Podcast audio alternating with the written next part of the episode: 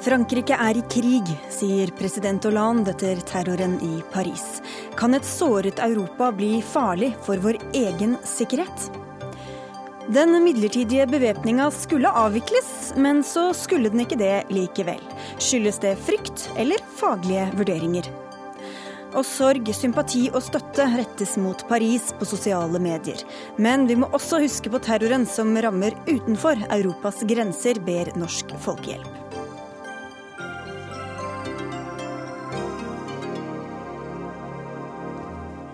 Vel møtt til Dagsnytt 18 på NRK P2 og NRK2, en sending som er viet terroren i Paris og følgende av den. I studio denne mandagen, Sigrid Solund. Ja, Frankrike preges fremdeles av terrorangrepene fredag kveld, og i ettermiddag eh, ba president Francois Hollande om tre måneders unntakstilstand.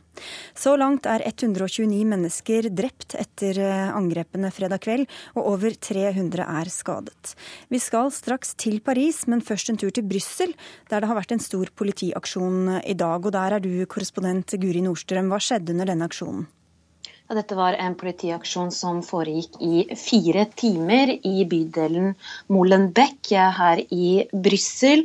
Politiet øh, omringet et hus, men øh, for, på all jakt etter eh, Salem Abdeslam, som er 26-åringen som man antar fortsatt er i live etter terroraksjonen på fredag. Denne aksjonen ble imidlertid avsluttet etter fire timer uten at det kom til noen eh, arrestasjoner. Og Hvorfor er denne bydelen spesielt interessant i denne saken?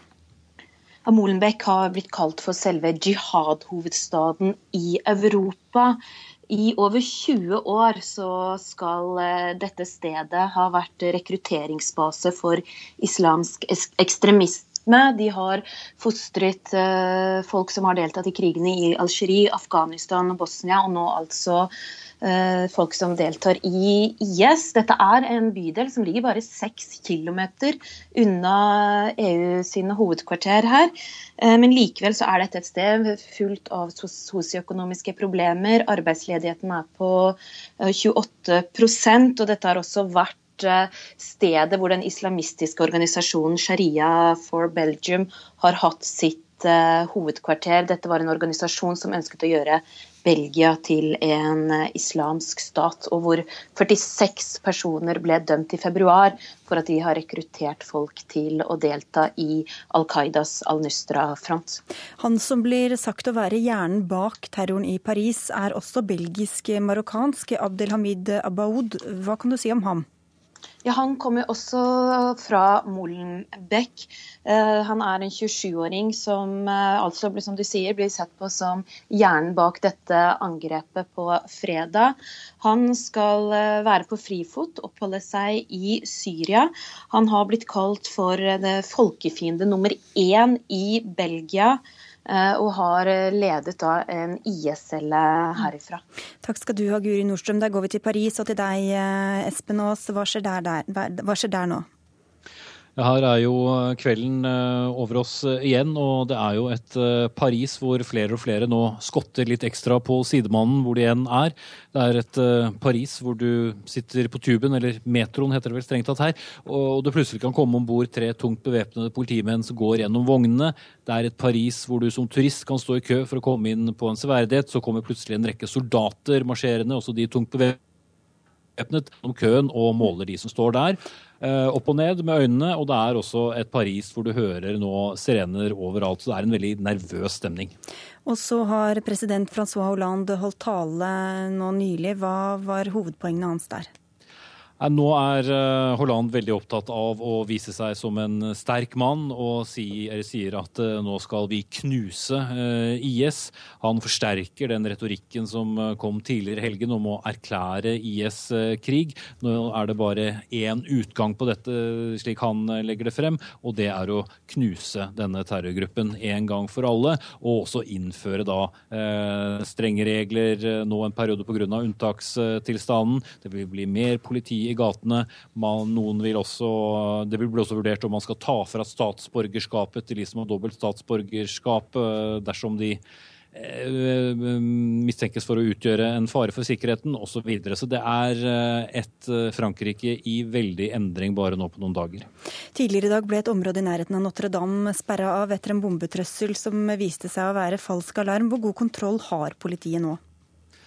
Jeg må jo si at jeg opplever det som veldig nervøs. Nå er det klart at det er en helt, helt ekstraordinær situasjon som er i Paris, og ingen kunne være forberedt på den.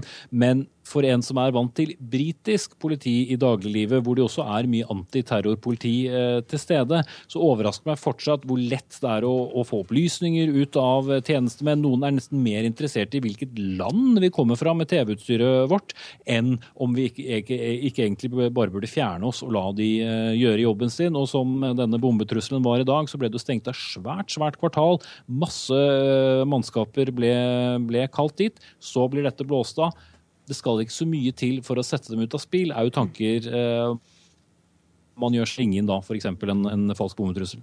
Takk skal du ha, Espen Aas, for eh, anledningen i Paris. Og Frankrikes statsminister Manuel Valls har også uttalt seg i dag og sier at det kan komme nye terrorangrep i dagene eller ukene som kommer, også utenfor Frankrike.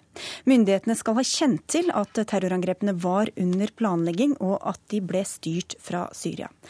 Terroranalytiker Atle Mesøy, det er sikkert mange som er engstelige her, eh, nettopp for at dette kan skje. Hvor sannsynlig er det at det kommer flere angrep av denne typen, kanskje også nærmere oss her i Europa? Det er sannsynlig at det kan komme flere sånne angrep. Det er det. Fordi at det er en metode som eh, nå IS har eh, utviklet. Altså hvor de kopierer fra andre tidligere, sånn som Mumbai i 2008. Det er også det er også eh, noe som eh, eh, som, som ut ifra at vi, vi, er rimelig sårbare. Og de har hatt Europa som mål lenge, og de vil slå til jo mer de blir presset, jo mer vil de slå til. Og nå har de etablert en, en, egen enhet. Det kan tyde på at de har etablert en egen enhet som skal eh, nettopp være ansvarlig for utenlandsoperasjoner. Vi har også med Knut Vikør, du er professor i Midtøsten-historie ved Universitetet i Bergen. Vet vi nå sikkert at det er IS som står bak angrepene? Nei, men det er jo alle ting tyder jo på det nå. Både det som er kjent om uh, disse personene og uh, dette kontaktene de skal ha hatt i Syria. Uh, og IS har naturligvis tatt på seg ansvaret helt med en gang for dette. Så vi kan nok regne med det som det mest sannsynlige. Og Hvis det da er IS, hva innebærer det av konsekvenser? Ja, Det er altså det som er spørsmålet. Hva det vil si at en sier at IS står bak. Eh, for på den ene side er det dette et nettverk, eh, åpenbart et fransk-belgisk nettverk, som sympatiserer med IS, og som har kontakter der. Men spørsmålet er jo om IS sentralt har eh, nå eh, lagt an en strategi om eh, å slå til i Vesten. For det har de jo ikke gjort tidligere. Mm. IS sin hovedmål har jo alltid vært at vi skal bygge kalifatet. Vi skal bygge idealstaten, og derfor må alle gode muslimer komme til uh, Syria og Irak for å delta i dette. Og så hvis de ikke kan det, så kan de gjøre aksjoner i, eh, i Vesten. Eh, men spørsmålet er jo da om dette nå er en ny linje, i, i og med nettopp at uh, krigen i Syria er blitt internasjonalisert med, med, mye større internasjonal deltakelse. Og da er jo også spørsmålet, Cecilie Hellestveit, seniorrådgiver ved ILPI, hvorfor disse målene, og hvorfor akkurat nå? Nei, altså IS representerer en veldig sånn sammensatt trussel for terror i Europa. Det er delvis sånne sympatiangrep, som vi jo har hatt noen av. Mindre angrep fra IS-sympatisører. Og så er det sånne hjemvendte fremmedkrigere som kanskje har eh, fått ordre på visse nivå. Dette her tyder på å være fra høyeste hold. Og det ser ut til å gå sammen med en endring i modus operandi hos IS, som går tilbake to uker. De har også påtatt seg ansvaret for dette russiske flyet. Eh, de har påtatt seg ansvaret for den største eh, terroraksjonen i Libanon på 25 år på torsdag, og da Paris på fredag. Og de tre angrepene der må antageligvis ses i sammenheng. Hvor IS går ut fra på en måte den vante området hvor de har har drevet med angrep, til en helt ny måte å angripe eh, til dels vestlige, men, men særlig store sivile mål på. Eh, og Frankrike er jo selvfølgelig et veldig symbolsk mål i så måte. ikke sant? Eh, de rammer for det første et område nasjonale stadion i Frankrike, hvor den franske president sitter. Og samtidig så går de altså on the spray i et, eh, i et veldig sivilt område, som på en måte representerer kanskje noe av det mest sivile man kan tenke seg. Denne form for terrorgrupper de pleier veldig ofte å angripe eh, restauranter og kafeer. Men det som har vært vanlig i veldig stor grad, er at de angriper eh, restauranter og kafeer i områder hvor det bor sikkerhetsfolk, så det er en eller annen link til noe militært på et eller annet plan. Mm. Mens dette her er et rent angrep mot et, et, et mykt mål, altså av den mykeste typen du kan tenke deg. Mesøy, det er jo åpenbart at de ønsker å spre frykt, men er det også grunn til å tro at de ønsker å Eh, skape splid, altså skape liksom, mistro til muslimer og splittelse ja, ja. mellom i, i, folkene? Ja, helt, helt klart. Det, det, er jo en, en, svært viktig del av deres arbeid. Det er jo å få ut mest mulig propaganda om at det er en krig mellom Vesten og, og muslimene. Og, og uh, Måten vi takler dette på nå, det, det blir avgjørende i, i, denne kampen, sånn som jeg ser det. Det er et av de avgjørende momentene. Og det er å få med å, å vise det at uh, muslimer generelt, det er, det er, ikke det som er problemet. Dette dreier seg om en, en bitte liten andel, en, en, svært liten andel, som, som er eh, ekstreme og som er, som er villige til å, å bruke de, den type midler. Jeg tror at dette, dette angrepet her kommer nå pga. det som man har hatt de siste månedene i Syria, hvor IS har kommet under veldig mye større press i sine kjerneområder, og den viktige helgen vi har hatt. Vi hadde først alle utenriksministrene eh, i store land eh, som er viktige for Syria, i Wien, ble, som ble enige om veien videre for kampen mot IS. Og så hadde vi statslederne som møttes på søndag i eh, Tyrkia. Dette var nok IS sin måte å si vi kommer til å ta denne krigen langt ut over Syria og Irak hvis dere får opp nivået. De sier her vi er på innsiden av egyptisk sikkerhetsapparat, vi er på innsiden av Hizbollah sine sivile områder i Beirut, og vi kan slå til hvor som helst i vestlige land dersom eh, dere tar krigen til oss. Viker, det som Mesøy er inne på også, at man ønsker å skape splid. Hva slags eh, tiltrekningskraft har IS på hva skal vi si, vanlige muslimer? Vi hører om noen få som reiser til Syria, men hva slags eh, støtte har de rundt omkring? Ja, det, uh, Dette er åpenbart forskjellig fra land til land. Og jeg tror nok likevel uh, vi må se på det som skjedde i Paris nå, som en, en, et fransk-belgisk fransk foretak som er, er, grunnlagt i forhold i Frankrike og Belgia spesielt. Altså Om dette skjedde akkurat nå, Eh, kan være mer tilfeldig, for vi vet nok at uh, denne gruppa, dette nettverket, har prøvd seg på tilsvarende aksjoner i uh, lang tid, de siste halvåret.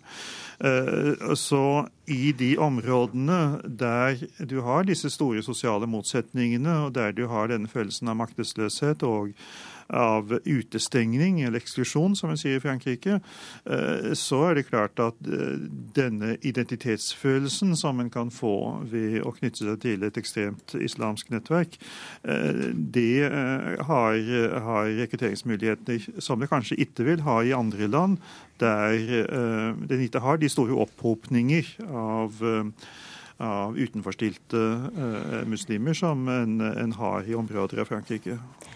Jeg tenker at En av de karakteristikkene ved IS er at sånne store angrep er veldig godt planlagt, og de har ofte symbolikk på mange nivå. Det angrepet her var rettet også mot det som ble kalt for syndens pøl.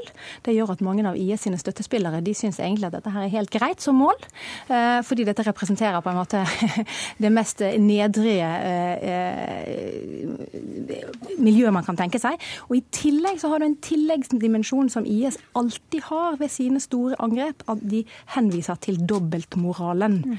Eh, og det som er Utfordringen her er jo nettopp at vi hadde et kjempestort angrep i Beirut på torsdag og et kjempestort angrep i Paris på fredag. Og alle ser at selv om vi snakker om Beirut, så er det ingenting sammenlignet med hvordan verden reagerer når vestlige borgere blir rammet av terror. Det skal vi faktisk komme tilbake til mot slutten av sendinga. Eh, ja, ja, jeg bare tenkte å kommentere litt på det. Og det er jo nettopp det som, som jeg eh, møtte da jeg gjorde, gjorde gjøre eh, studier på dette i, eh, i, London. For London er også regnet som, eh, som en sånn jihad-hovedstad. Og, og, da var det nettopp dette med fremmedgjøring, og det var dette med å at de, at de, følte seg maktesløse, at de var stilt utafor samfunnet. Det var det, som, eh, det var det som de spilte på de radikale gruppene, sånn som eh, ja, Hizb og, og, og, også da gruppen som Omar Bakri ledet, som du kan vise tilbake til nå, som gjelder i Belgia. Eh, sånn at eh, det, og det å spille på det og si det at de tror det, de viser det, de, de i Vesten de viser at muslimsk blod er mye mindre verdt enn en vårt blod. Eh, er mye mindre verdt enn en, en deres blod. Det, det, er, det er noe som får de til å koke nesten uansett. Og det er der vi må klare å sette inn en, en informasjonskampanje. Vi må være gode til å trekke inn de riktige kreftene der til å vise at sånn er det ikke. Samtidig så er det jo mange, også her i Norge, som er urolige allerede pga. alle asylsøkerne som kommer til landet. Viker, er det grunn til å tro at det kan være terrorister blant dem som også kan danne nye terrorceller her i Norge? Vi har jo denne mystiske eh, situasjonen med denne personen som skal ha søkt asyl i Serbia eh, for en måned tilbake, og som sprengte seg i Paris nå. Eh, eh men eh, IS har jo et godt rekrutteringsgrunnlag av personer med pass i orden, med statsborgerskap og med visum osv. Så, videre. Eh, så de har, hvis dette virkelig skulle være en form for strategiskifte fra deres side, eh, så har de jo ikke bruk for eh, å sende folk ut på den ganske Eh, vanskelige situasjonen det er å, å, å være flyktning. Eh, så eh, jeg kan ikke se helt at det skulle være en stor ting. Jeg tror faren er kanskje større at en nå setter disse hundretusener av flyktninger i en slags bås pga. dette ene tilfellet med dette passet. Jeg tror det er akkurat det IS ønsker. De ønsker å si at hvis vi vil, så kan vi smugle folk inn blant flyktningene. Dere har veldig få virkemidler til å klare å stoppe oss hvis vi vil det er en del av det hele. At, at de, vil, de, vil, bruke alle midler. Og vi, vi, må jo ikke la vår godhet eh, stå i veien for at, også, også, at vi tenker sikkerhet. Og jeg hørte senest i dag at det, det er jo eksempler på at folk eh, i den store flyktningstrømmen som kommer hit, eh, hvor de aller fleste eh, er, er OK-folk, eh, så er det noen som har bakgrunn fra IS. Og sånn er det. Og det er det vi, vi må takle på en god måte. Og det skal vi også komme tilbake til til. og Vi skal også snakke veldig snart om hvordan Europa, Russland og USA møter denne trusselen, bl.a. med deg, Cecilie Hellestveit. Og tusen takk skal dere ha, Knut Vikør, professor ved Universitetet i Bergen, og terroranalytiker Atle Mesøy. Dagsnytt 18 alle hverdager klokka 18.00 på NRK P2 og NRK2. Det er altså landesorg i Frankrike, men franskmennene sitter ikke stille i fortvilelsen.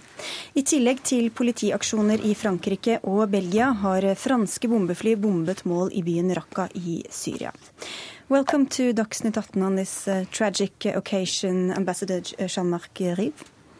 Good evening. Thank you for receiving me. Good evening. I was telling the listeners about the French response to the terror in yes. uh, Paris, and your president, Francois Hollande, has requested a three month long state of emergency. What does that mean? Well, as you know, I mean, uh, the state of emergency has been uh, declared, I mean, uh, just the night uh, when the events happen for 12 days, which is normally what it happens.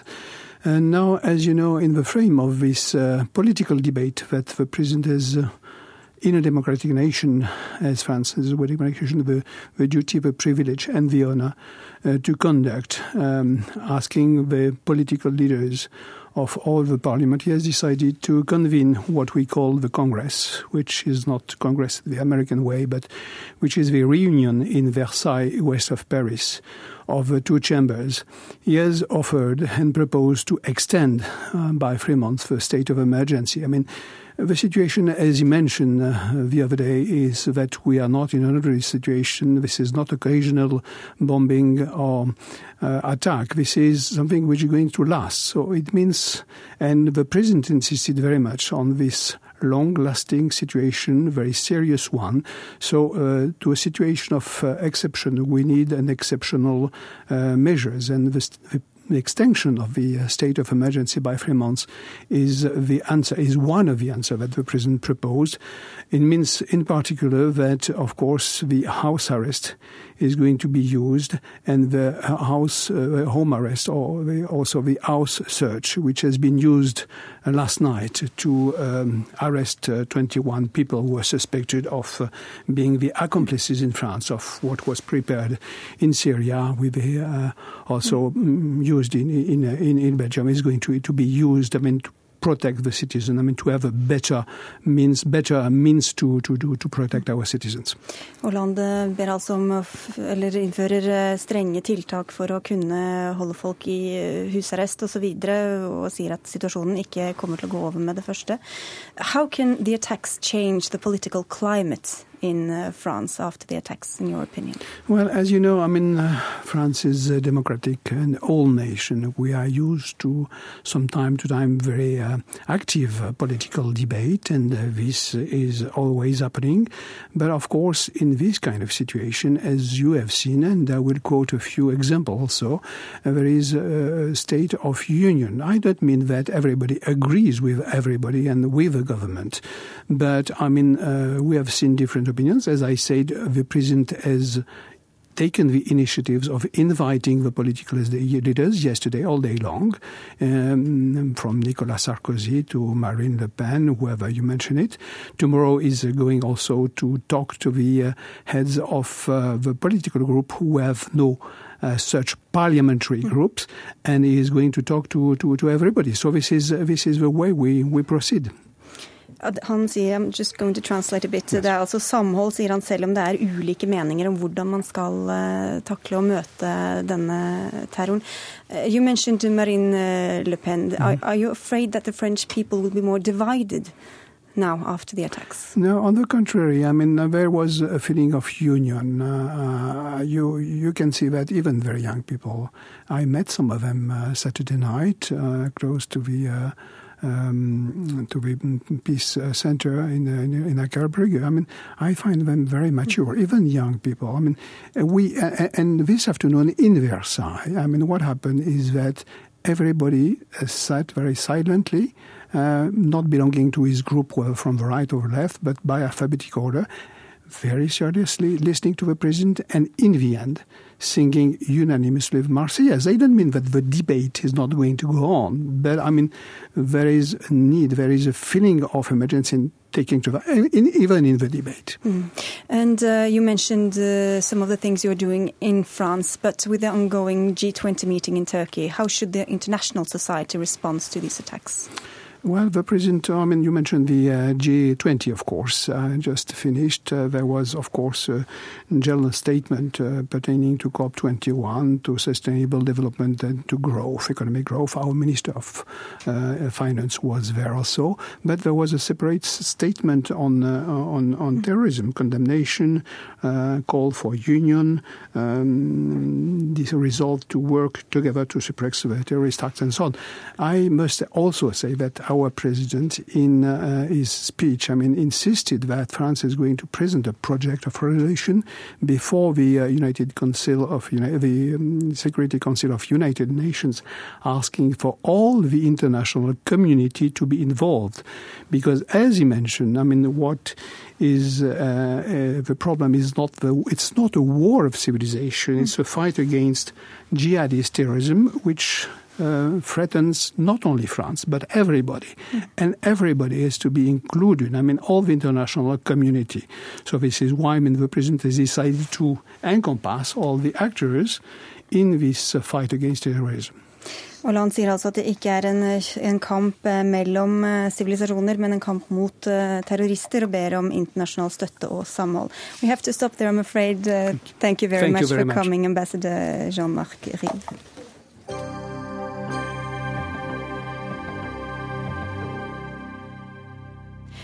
Som vi hører reagerer altså Frankrikes myndigheter kraftig på terroren i Paris. Spørsmålene er om militær opptrapping er det som skal til, eller om det kanskje kan gjøre vondt verre.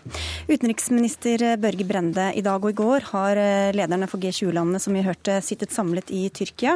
Agendaen endra seg etter terroren, men landene er ikke blitt enige om en felles strategi for krigen videre i Syria og trusselen mot, fra IS. Hva mener du er det absolutt viktigste som kan skje nå? Det viktigste er at vi får fred i Syria. Hvor, ja, og får på plass en, eh, en, overgangsregjering som er inkluderende. Det var jo elementer i den uttalelsen fra G20 som var eh, positive òg. Trappe opp innsatsen for å få til en slik enighet. Trappe opp innsatsen mot eh, finansiering av terrororganisasjoner og ISIL, hvor de viste til konkrete eh, mekanismer. Og Vi skal heller ikke legge skjul på at eh, det møtet i Wien eh, på lørdag er jo noe av det mest positive som har skjedd på lenge når det gjelder å sette eh, både en timeplan og tegne opp et veikart for en prosess som kan lede til en løsning i Syria. Men dette er ikke lett, det er sikkert og visst. Og hvis Syria bryter helt sammen, så er det 15 millioner eh, syrere eh, som er i en desperat humanitær situasjon. Julie Wilhelmsen, du er seniorforsker ved Norsk utenrikspolitisk institutt og ekspert på Russland, som vi snart skal komme tilbake til. Men først, er det grunn til å frykte hva denne terroren kan gjøre med et spent Europa? Eh, ja, det tror jeg det er all grunn til å gjøre. Fordi at det er en kris, typisk krisesituasjon hvor man veldig fort tenker at eh, man må vise handlekraft, man må slå hardt tilbake, og det er helt naturlig, for det mange eh, mennesker, eh, europeere, har blitt eh, rammet. Og da er det og det har vi jo sett eh, altså, fra tidligere eksempler hvor man står overfor en sånn slik eh, situasjon, som f.eks. etter 11.9., at det er veldig fort å tenke militære løsninger, raske løsninger, eh, som egentlig eh, i sum kan eh, skape mer av det fenomenet man forsøker å, å bekjempe. Så det er jo virkelig tidspunktet å Eh, puste rolig og tenke gjennom hva som er de gode, langsiktige strategiene for å, å dempe eh, denne terrorismen. Ja, Cecilie Hellesveit, velkommen tilbake. Du er fortsatt seniorrådgiver ved International Law and Policy Institute. Eh, IS sier jo at de slår tilbake mot bombing og mot angrep. og Da kan det jo virke litt sånn paradoksalt å svare med mer av det samme, som Julie Wilhelmsen er inne på? Ja, altså nå er det slik at Den offensiven som har vært mot IS det siste året, altså i 14 måneder måneder har det vært en internasjonal koalisjon som har til dels bombet IS-områder. Den har vært på lavbluss helt frem til eh, egentlig den siste måneden. Og Grunnen til det er fordi man har ikke helt kommet i havn med å få de ulike regionale aktørene eh, til å bli enige om hva som skal skje etterpå. Og da er Faren for regional krig i Midtøsten er da ganske overhengende dersom man bare går inn i dette området uten den enigheten.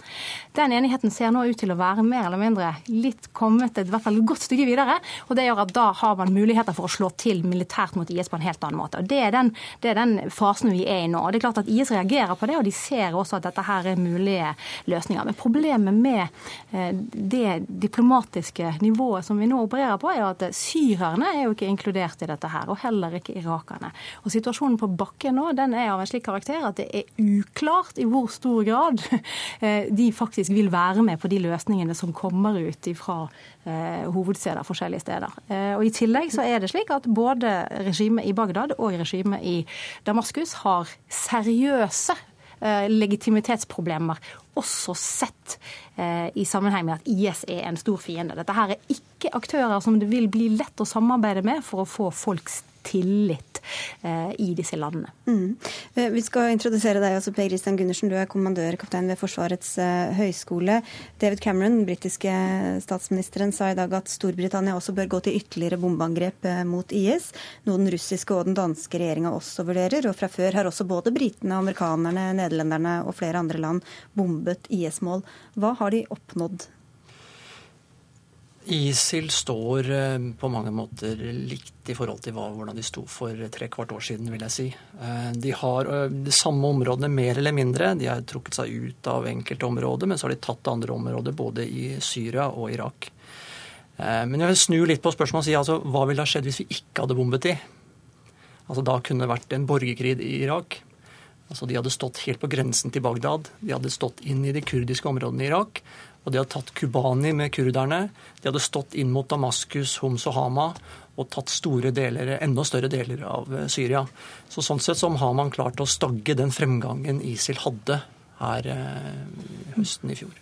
Eh, ja, Helleseit var inne på, på, at vi ikke har altså, hvor viktig Assad-regimet er i Syria, som ikke er med på leken, for å si det sånn. Og Julie Wilhelmsen, det skyldes jo også til dels Russlands innvirkning. Hva, hva, hva, kan da, hva kan terroren i Paris gjøre med russernes syn på hvor løsningen ligger, tror du? Nei, Jeg tror nok at eh, de kommer til å benytte anledning til å insistere på det synet de allerede har fremmet, som nettopp er at du kan ikke fjerne den type sterke statsmakter som det Assad eh, representerer, uten at du får store problemer med internasjonal terrorisme. Så jeg tviler på at, at Russland kommer til å gå tilbake på det kravet om at om ikke det er akkurat Assad, så i hvert fall regimet rundt Assad, må bevares og faktisk eh, på en måte bygges opp. Og de må man samarbeide med, fordi man står overfor en enda større trussel i eh, IS. På den måten så spiller jo denne situasjonen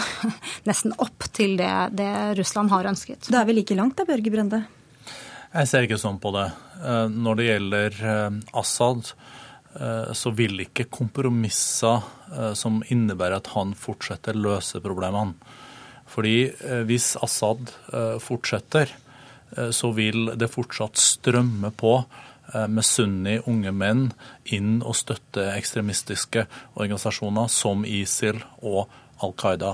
Det vi må greie, er å få på plass en inkluderende regjering i Damaskus, hvor vi òg får med de moderate sunni-gruppene. Uten at vi får til det, og uten at vi faser ut Assad, så blir det ingen løsning. I så fall så vil vi få en parallell situasjon som vi hadde i Irak under Maliki. Men det som jeg føler, er at Russland er noe på glid når det gjelder å finne en overgangsregjering uten at Assad er en del av den, men hvor du beholder den infrastrukturen rundt alawittene liksom. mm. og lignende, slik at vi ikke gjentar tabben fra Irak i 2003, hvor vi kasta ut alle de som hadde vært med og styrt landet. Men vi må òg lære, og det tror jeg er veldig viktig, at vi har faktisk gjort noe riktig i Irak denne gangen. Det starta med at de arabiske landene ble med i koalisjonen. Det starta med at vi krevde at Maliki måtte gå. Og så er det noen fremskritt, men vi er ikke i mål.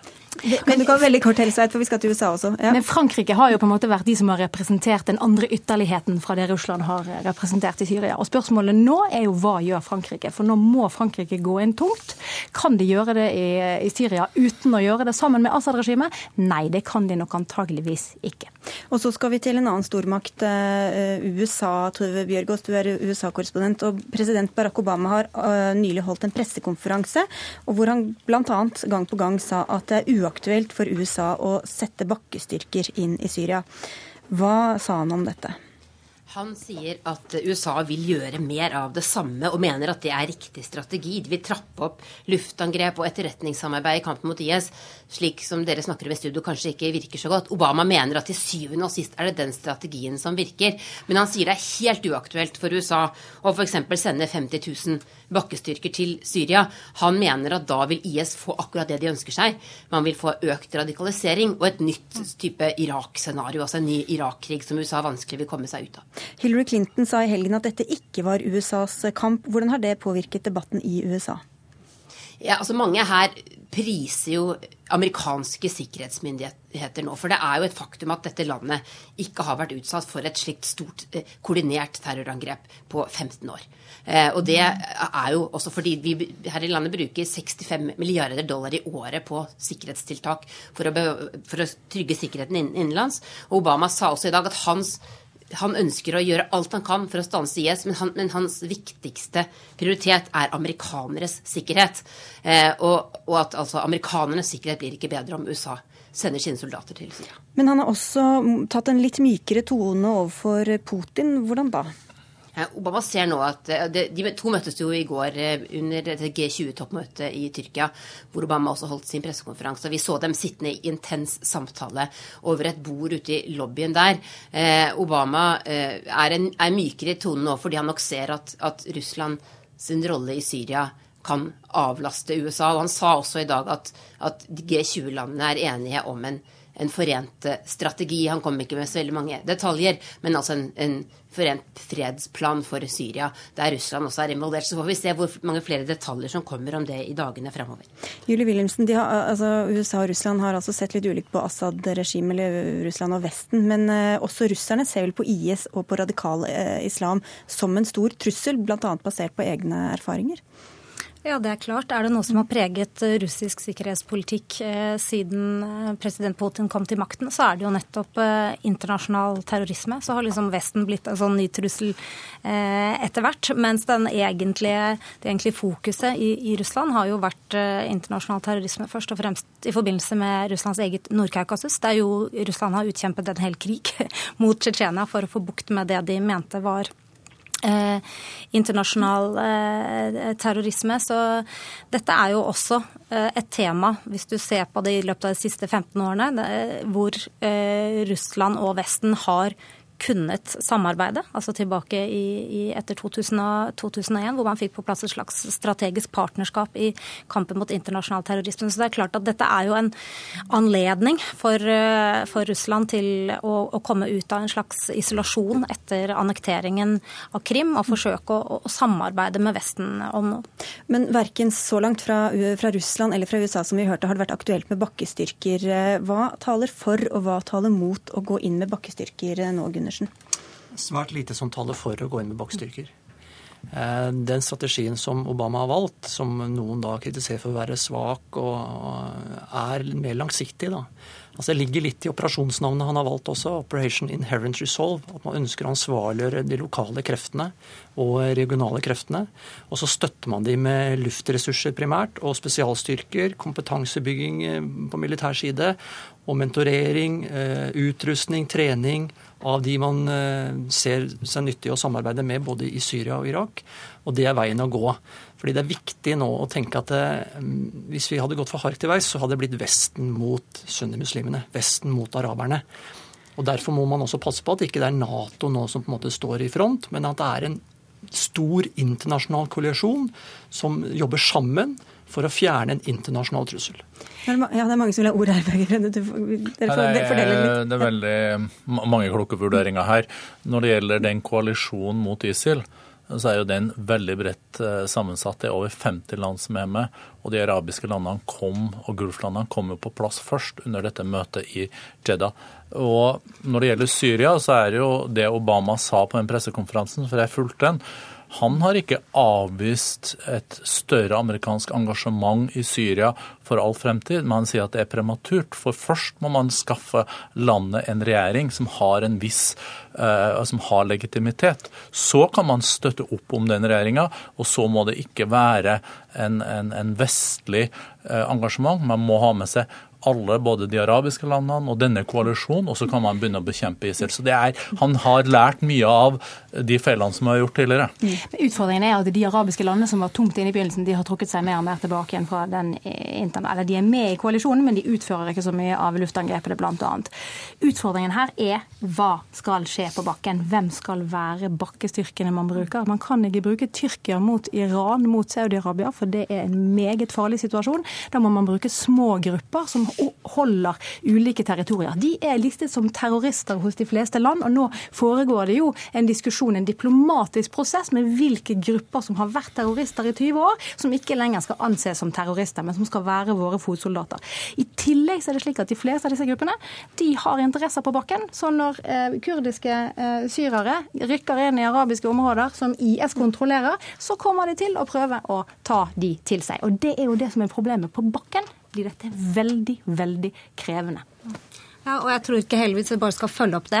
Eh, at eh, hvis noe av det i de kommentarene som Tove Bjørgaas kom med om Russland på en måte kunne kanskje komme inn og gjøre den jobben, så ser ikke det så veldig sannsynlig ut hvis du ser på det som skjer internt i Russland heller. For selv om eh, krigen i Ukraina har vært populær, krigen i Syria er ganske populær, men det siste jeg har hørt er at det er faktisk en viss krigstrøtthet. Og det å da engasjere en masse eh, russiske unge menn på bakken i, i, Syria, det er jeg ikke sikker på om Putin har noe handlingsrom for å gjøre på hjemmebane. Og så sier du Gundersen, at kampen mot radikalisering også ligger mange andre steder enn akkurat på bakken i, i Syria. Jeg tenker vi hadde brukt like mye penger på kampen mot radikalisering i Vesten som det koster med en del av den ammunisjonen vi bruker. Altså Det hadde vært store summer. og det er klart at det er en kamp som er like viktig som den som foregår i Syria og Irak for oss. Vi får la det bli siste kloke ord i denne sendinga. Eh, ikke denne sendinga, men i denne saken. Takk skal dere ha, alle fire. Utenriksminister Børge Brende, Cecilie Hellestveit, Per Christian Gundersen og Julie Wilhelmsen og Tove Bjørkås med fra USA.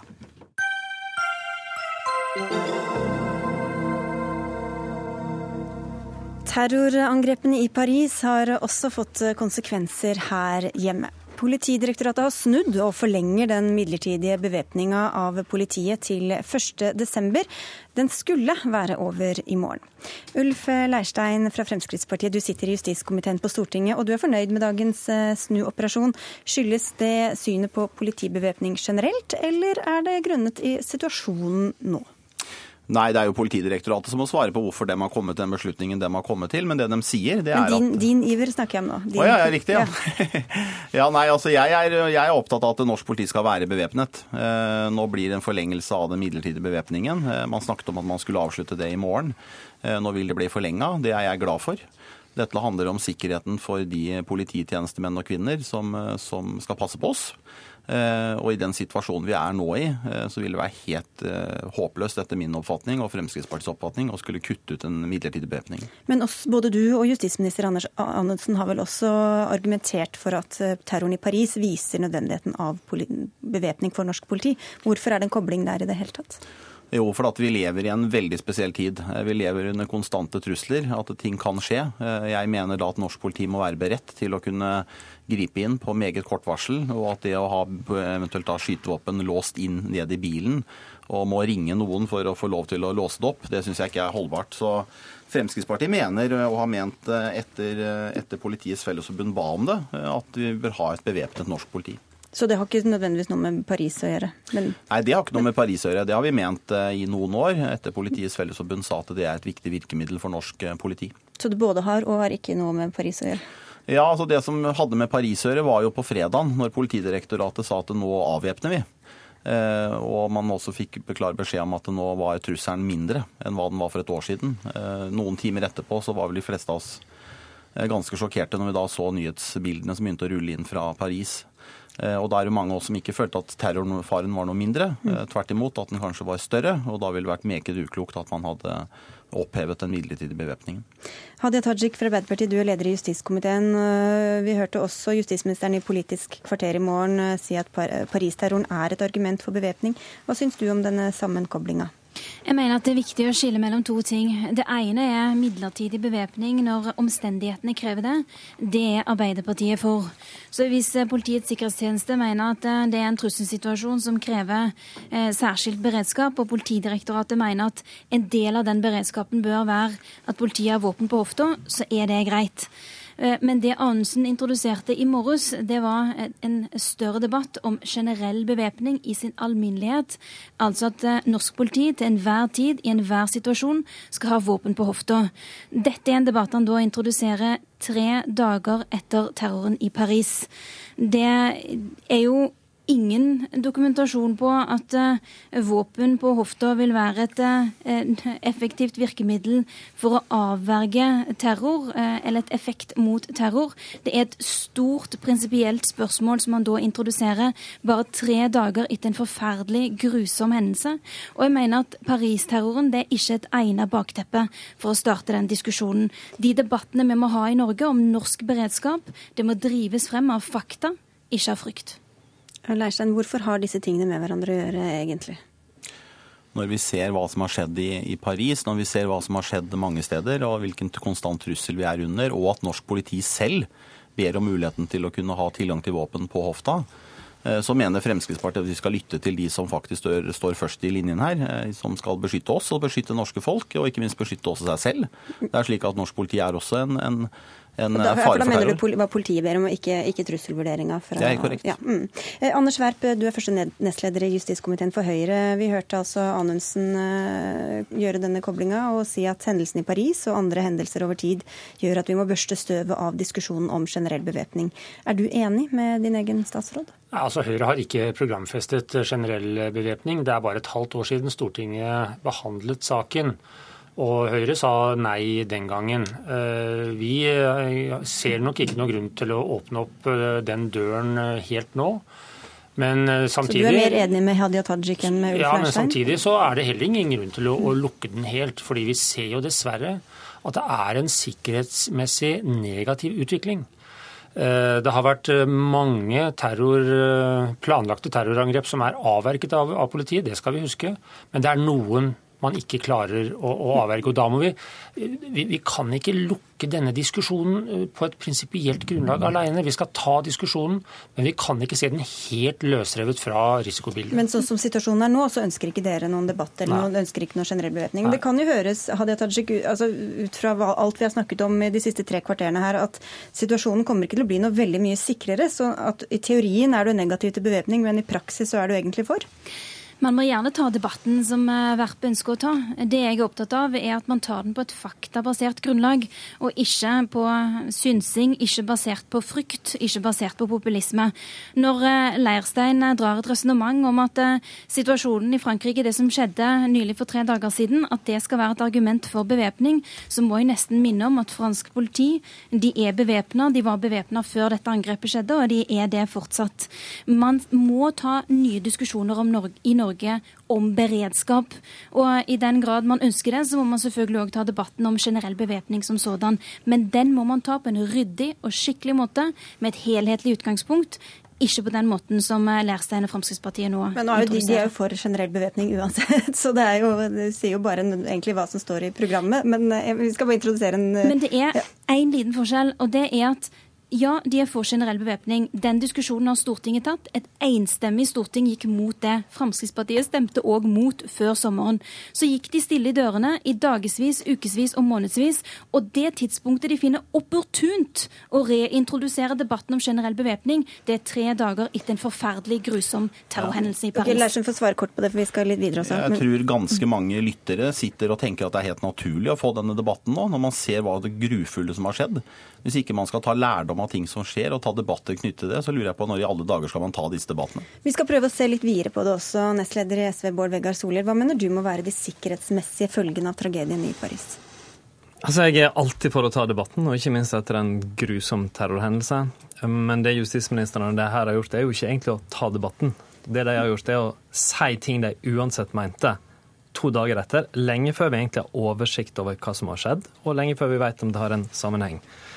Um, det, hvis jeg skulle si det kanskje viktigste som, er, som er mest åpenbare, så er det jo at uh, det her var et angrep mot vanlig dagligliv.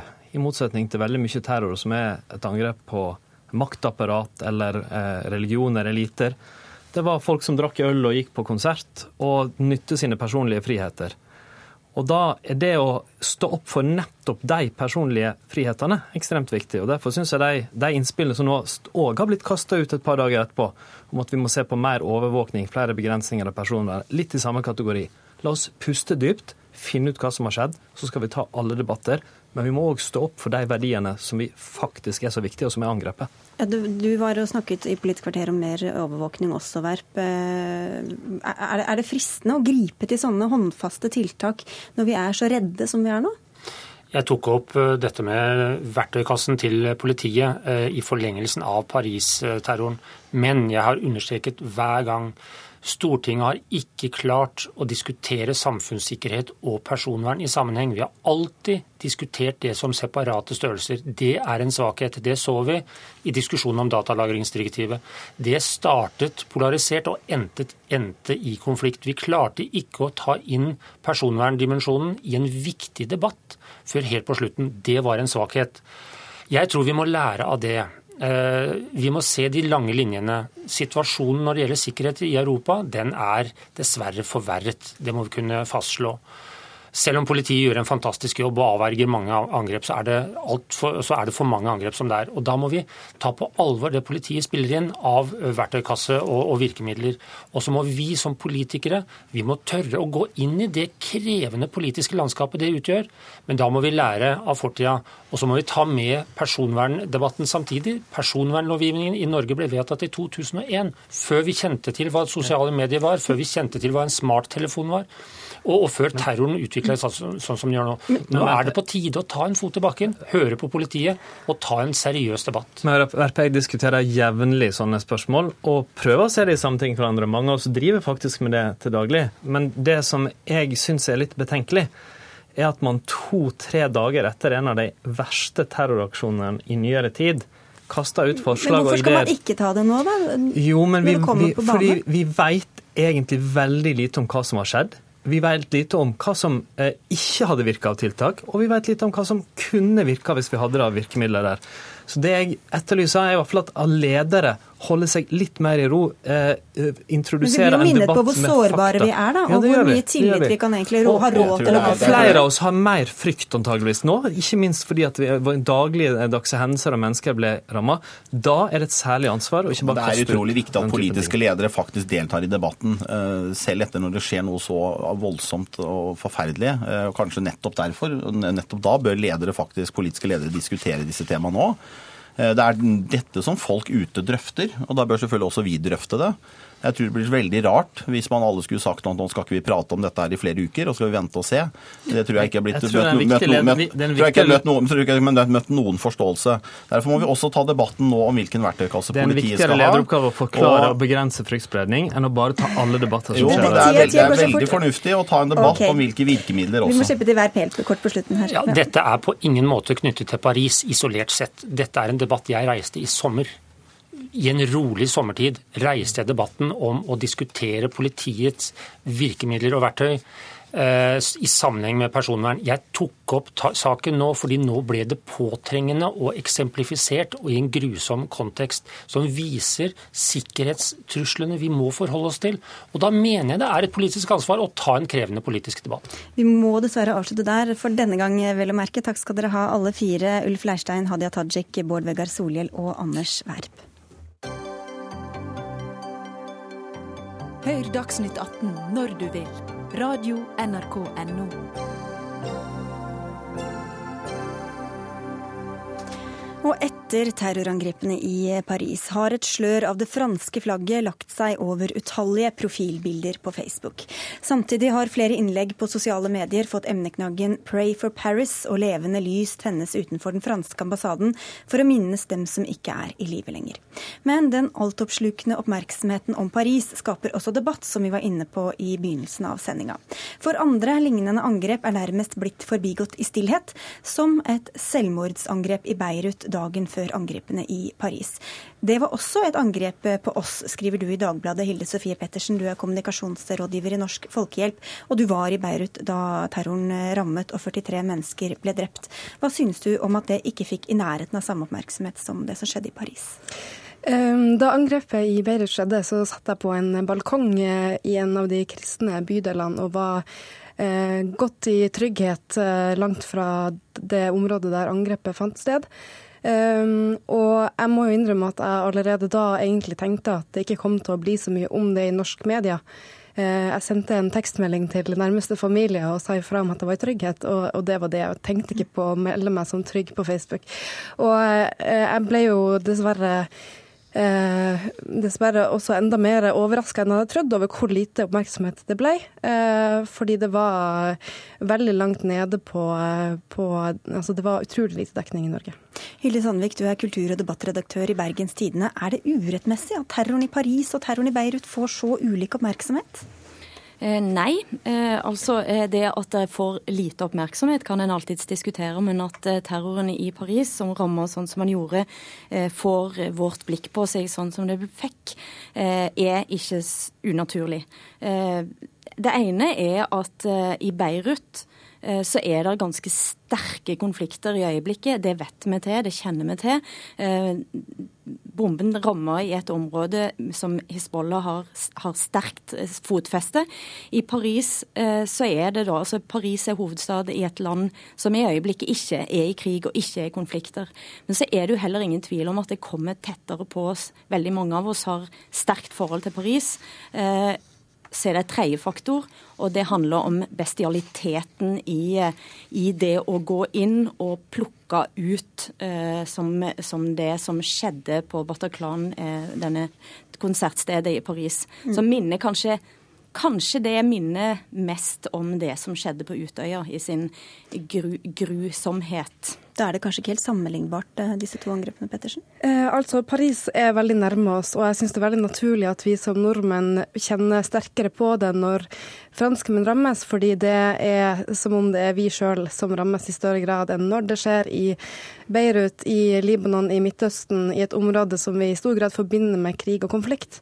Men angrepet i Beirut, eh, det var også et angrep på våre verdier. Libanon er et land i en region hvor det er veldig mye krig og konflikt, som har en en eh, imponerende egentlig eh, altså Folk der har en imponerende evne til å faktisk leve relativt harmonisk side om side, på tross av eh, etnisk, eh, religiøs, geografisk eh, opprinnelse.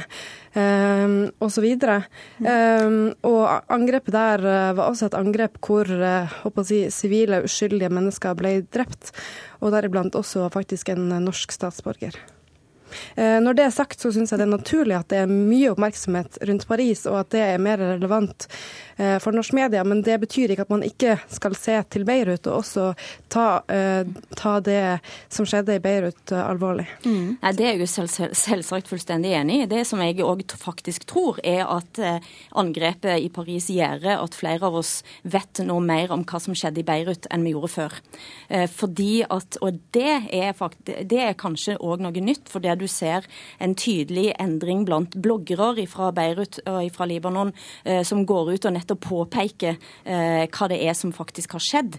Jeg vet nå mer om hva som skjedde den kvelden, den torsdagskvelden enn jeg gjorde på fredagen. Mm. Eh, det sier òg noen ting om hvor sosiale medier endrer seg. Men det å moralisere over den sorgen som vi opplever når vi ser hvor, hvor tett og hvor utrygt det faktisk kan være, det syns jeg blir vanskelig for min mm. del. Ja, da må jeg bare få svare på det at jeg vil absolutt ikke moralisere over noen sorg.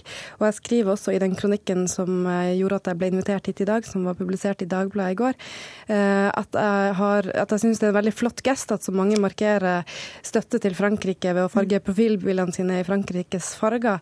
Eh, og jeg men jeg mener at Du skulle ønske det var litt flere libanesiske flagg der også? Ja, eller i alle fall at det var mer fokus på det. Og, og jeg mener at dette må vi ikke gjøre til en konkurranse. Uh, det, er selvfølgelig kjempeflott at folk sympatiserer med Frankrike, og det skal vi gjøre. Men vi må også tenke på uh, at dette rammer andre steder. Men dette er, altså, dette er, et begrep som ble, kom til etter den kalde krigen. Whataboutism. Det kan en på et vis alltid si. Hva med Afrika? Hva med de? Hva med andre? Altså Det er òg en måte å flytte blikket på. Jeg tenker at I øyeblikket så har en faktisk ganske nok med å kanskje analysere hva det er som ligger bak at det faktisk kan skje midt i Frankrike, midt i Paris, i en verdensdel, i et Vest-Europa, eh, som, som, ikke har hatt krigslignende tilstander på, på veldig lang tid. Pettersen, hva sier folk som du kjenner i Libanon om hvor ulike mediedekning og oppmerksomhet de to terroraksjonene har fått? Eh, Nå reiste jo jeg fra Libanon allerede fredag kveld, men jeg snakka med Norsk Folkehjelp sitt Libanon-kontor i dag. Eh, og de forteller at eh, jevnt over så reagerer jo selvfølgelig folk der også på avsky mot det angrepet som skjedde i Paris. Eh, men det er også en del reaksjoner på det med at Paris-angrepet får så mye oppmerksomhet i vestlige medier, samtidig som angrepet i Beirut nesten ikke nevnes i hvis man skal sammenligne. Um, og det er jo også veldig mange fransk-libanesere som føler seg på en måte dobbelt angrepet her. Uh, så dette er jo et ganske komplekst uh, bilde, og det er veldig mange som reagerer på ulikt uh, vis i Libanon. Men jeg må jo si her til Hilde Sandvik at hvis vi skal snakke om analysen av det som har skjedd her, så er det desto viktigere at vi også tar med mm. oss det, det faktum at det er IS som har angrepet mm. i Paris, og det er IS som har mm. angrepet i Beirut. Og det, og det å gå bak og se på den, nettopp den konflikten som ligger rundt eh, grensene til Libanon og Hizbollah mm. sitt, eh, sitt fotfeste, eh, så er det ufattelig interessant. Vi er nødt til å avslutte der. Ja. Takk skal dere ha begge to, Hilde Sofie Pettersen og Hilde Sandvik. Dagsnytt 18 er over for i dag. Dag Dørum var ansvarlig for sendinga, Frode Thorshaug hadde det tekniske ansvaret, og jeg heter Sigrid Solund, og vi høres igjen i morgen. God kveld.